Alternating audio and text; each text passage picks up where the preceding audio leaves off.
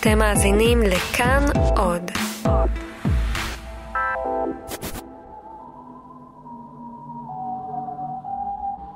כלבם של בני בסקרוויל.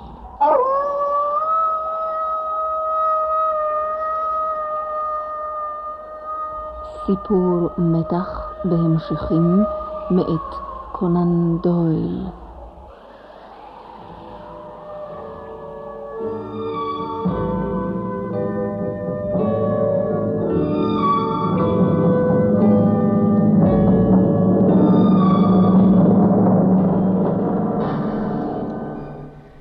בפרקים הקודמים שמענו את הסיפור על מותו המסתורי של סר צ'ארלס בסקרוויל, בעליה של טירת בסקרוויל בערבות דבון. הדוקטור מורטימר, רופאו של סר צ'ארלס, בא ללונדון כדי לספר את הפרשה לבלש הנודע שרלוק הולמס. דוקטור מורטימר סיפר לבלש הולמס ולידידו הדוקטור ווטסון על קללה עתיקה הרובצת על בני משפחת בסקרוויל זה מאות בשנים, מאז חטף סר הנרי בסקרוויל מאבות אבותיו של סר צ'ארלס נערה אומללה לטירתו. הנערה הצליחה לברוח. סר הנרי הנבל מת, ובשעת מותו נשמעה בערבה יללה מקפיאת דם, כנראה יללתו של כלב ערבות. סר צ'ארלס בסקרוויל, שהיה ידוע כאדם טוב לב ואהוב על כל שכניו, מצא את מותו בערבה סמוך לטירתו כשיצא לטיול של ערב. הדוקטור מורטימר קבע אמנם שסר צ'ארלס מת מהתקפת לב, אבל סביב המוות היו כמה דברים מוזרים. פניו של המת היו מעוותים לבלי הכר, וליד הגופה נמצאו עקבותיו של כלב ענק. הבלש הולמס שולח את ידידו הדוקטור ווטסון לטירת בסקרוויל כדי לחקור בפרשה. הוא עצמו טרוד בעניינים אחרים בלונדון.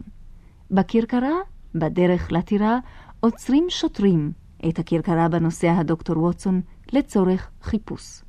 רוצח מסוכן ברח מהכלא והוא משוטט זה כמה ימים בערבה.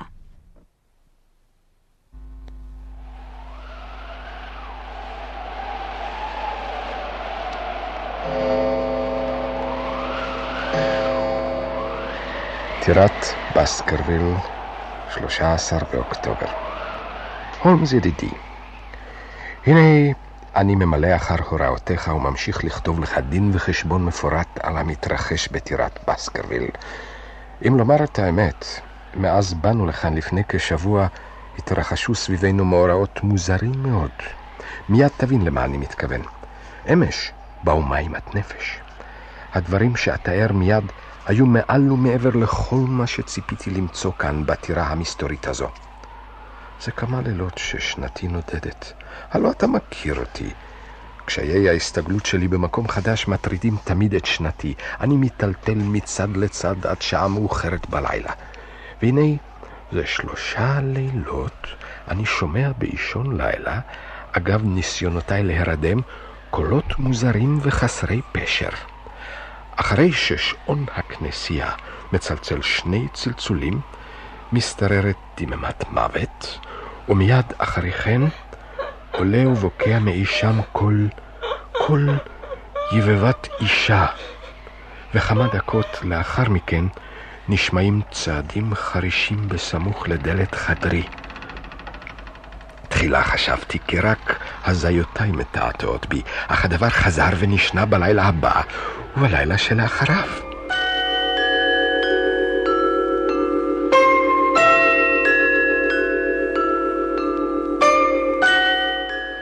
אתמול בארוחת הבוקר נוכחתי לדעת כי גם סר הנרי שמע את הקולות הללו. Hmm, נתגלה שסר הנרי הוא גבר אמיץ ומהיר החלטה. אמש החלטנו לעקוב ולבדוק מה פשר הדבר. ישבנו ערים בחדרו של סר הנרי, מצפים לקולות מוזרים, כאלה שישובו ויישמעו. ישבנו כך עד שעה שלוש לפנות בוקר, מעשנים בשקט, ולא שמענו דבר. כמעט אמרנו נואש, אלא שבדיוק באותו רגע...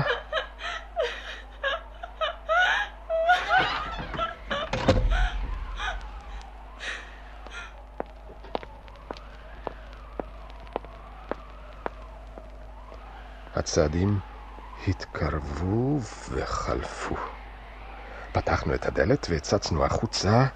עוד הספקנו לראות צל שחור וארוך שחלף לאורך הפרוזדור. זה היה צילו של אדם גבוה. לא יכולנו לראות את פניו, אבל היה ברור לשנינו כי זהו ברימור. הוא התקדם לאט כמהסס. כל תנועותיו אמרו אשמה ותככים. חיכינו עד שיגיע לקצה הפרוזדור ויעלם בעיכול ימינה, ואז על קצות אצבעותינו יצאנו בעקבותיו.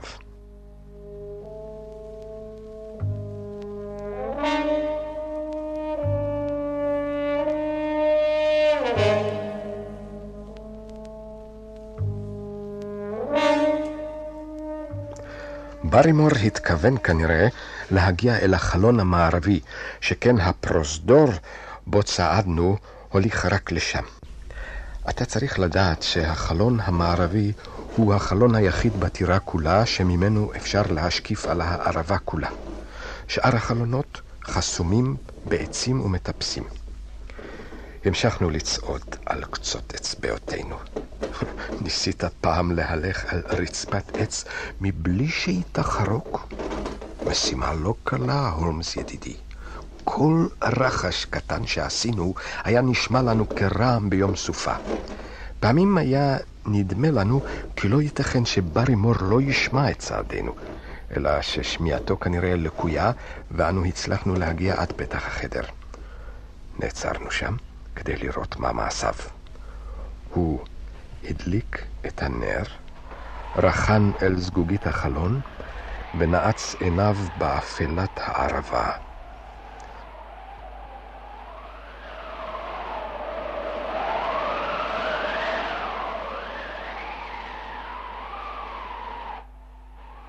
סר הנרי לא היה יכול עוד לעצור את סקרנותו, הוא זינק ממקום מחבואו. ברימור פלט קריאת הפתעה והחל רועד ומפלבל בעיניו. מה מעשיך כאן, ברימור? אה, שום דבר, אדוני, ש- שום דבר, זה, זה רק... זה, זה, זה בגלל החלון, אדוני. מה החלון? בגלל החלון. אה, בכל לילה אני הולך לבדוק אם החלונות סגורים, אתה מבין? בקומה השנייה. בקומה השנייה, כן, כן, אדוני. כל החלונות, זאת אומרת... שמע, ברימור, מוטב לך שתספר את האמת מיד, בלי להעלים דבר. מה אתה עושה ליד החלון הזה, ברימור? לא עשיתי דבר שיפגע באיש, אדוני. אני נשבע, אני רק... אני רק החזקתי את הנר מול החלון. ולשם ו- מה החזקת את הנר ליד החלון? לשם מה הזזת אותו ימינה ושמאלה, ברימור? אולי ניסית לאותת, ברימור? לא, לא, לא, אדוני. אל נא תחקור אותי, סר הנרי. בבקשה ממך. אני נשבע לך, אדוני, שאין זה סודי שלי. האמן לי, איני יכול לגלותו. אדוני... ווטסון, הבה נבדוק. הזז בבקשה את האור ימינה ושמאלה. אתה רואה משהו? הערבה חשוכה כל כך. רגע, הנה, בין העצים, אתה רואה? אור? נקודת אור זהירה. נבל. אתה עוד מכחיש? פתח פיך וספר. למי אתה מאותת שם? איזו מזימה אתם רוקמים? יותר ממאה שנה יושבים בני משפחתך בצל קורתנו, והנה אתה זומם מזימות רשע נגדי. לא, לא. לא, אדוני. לא, לא נגדך, יסלח לי, אדוני. אני אשמה. בכל אני אשמה. כל מה שעשה בעלי, למעני הוא עשה. אני הבאתי עליו את הצרה הזאת. אני ביקשתי זאת, אדוני. אם כן דברי, ספרי בה מהעניין. אחי האומלל גובע ברעב בערבה. איננו יכולים להניח לו שימות ככה סתם על פתח ביתנו, אדוני. בעזרת אור הנר אנחנו מאותתים לו כי יש מזון מוכן בשבילו, והאור שהוא מדליק שם מציין את המקום שאליו יובא המזון. Mm, אם כן, אחיך הוא. כן, אדוני. האסיר שברח, אדוני. סלדן הפושע.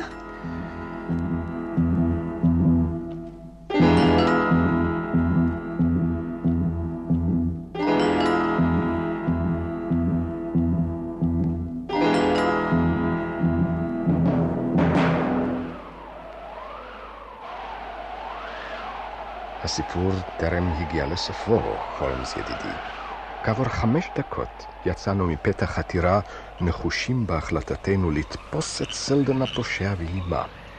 סלדון אמנם היה אחיה של מיס ברמור, אך רוצח נשאר רוצח, נכון?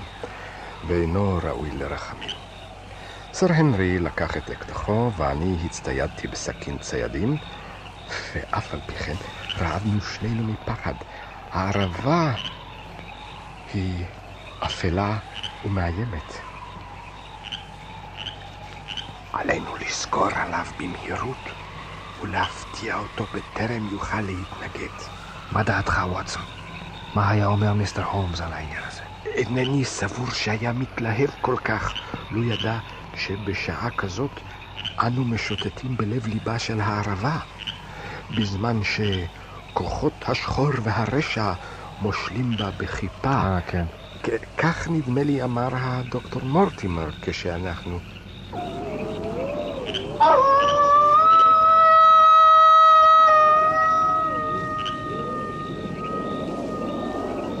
אלוהים אדירים! מה זה היה, ווטסון? ווטסון! איך הם מכנים את הקול הזה? מי? תושבי הסביבה. הנח לתושבי הסביבה. הם אנשים פשוטים ובורים. מה אכפת לך מה הם אומרים? אמור לי, ווטסון, מה הם אומרים על הקול הזה? הם אומרים כי זוהי שאגת כלבם של בני בסקרוויל. זה היה קולו של כלב. אלוהים אדירים. האומנם יש אמת בכל הסיפורים האלה? הייתכן כי נשקפת לי סכנת המפלצת המסתורית? ווטסון, מה אתה אומר? הנח לכל זה, סר הנרי. קל היה ללגלג על כל העניין כשישבנו בלונדון. אבל כאן, באפלת הערבה השוממת, נשמעת השאגה כדבר ממשי מאוד. ודודי המסכן, הרי נמצאו עקבות של כלב מסביב לגופתו. ווטסון, אינני פחדן, הקול הזה הקפיא את דמי. אולי נחזור לטירה? בשום פנים לא. באנו הנה כדי לתפוס את סלדן הרוצח ולא נחזור עד שנשלים את משימתנו. ולו גם יעלו ויבואו כל כלבי השאול גם יחד.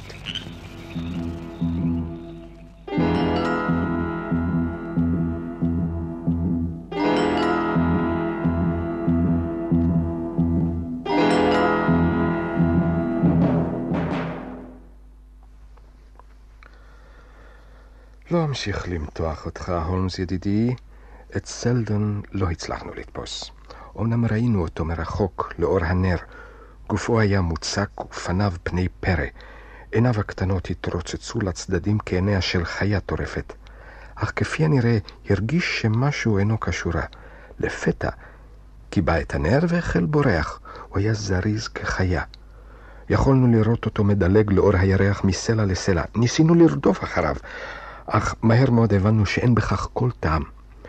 ישבנו על אחד הסלעים, מתנשמים ומוחים את זיעתנו. ראינוהו רץ ומתרחק עד שנראה כנקודה שחורה, ואז כאילו לא הספיקו לנו מאורעות ליל האימים הזה, קרה דבר נוסף. בשעה שישבנו על אחד הסלעים, ראיתי לפתע על פסגת הגבעה דמות אדם שצלליתה בלטה מול הירח המחשיף. בעיניי ראיתי זאת. לא תעתועי דמיון. מעולם לא ראיתי מראה בבירור כל כך. זו הייתה דמות גבוהה של אדם רזה שניצב ברגליים פסוקות קמעה. זרועותיו משולבות על חזהו, ראשו מושפל,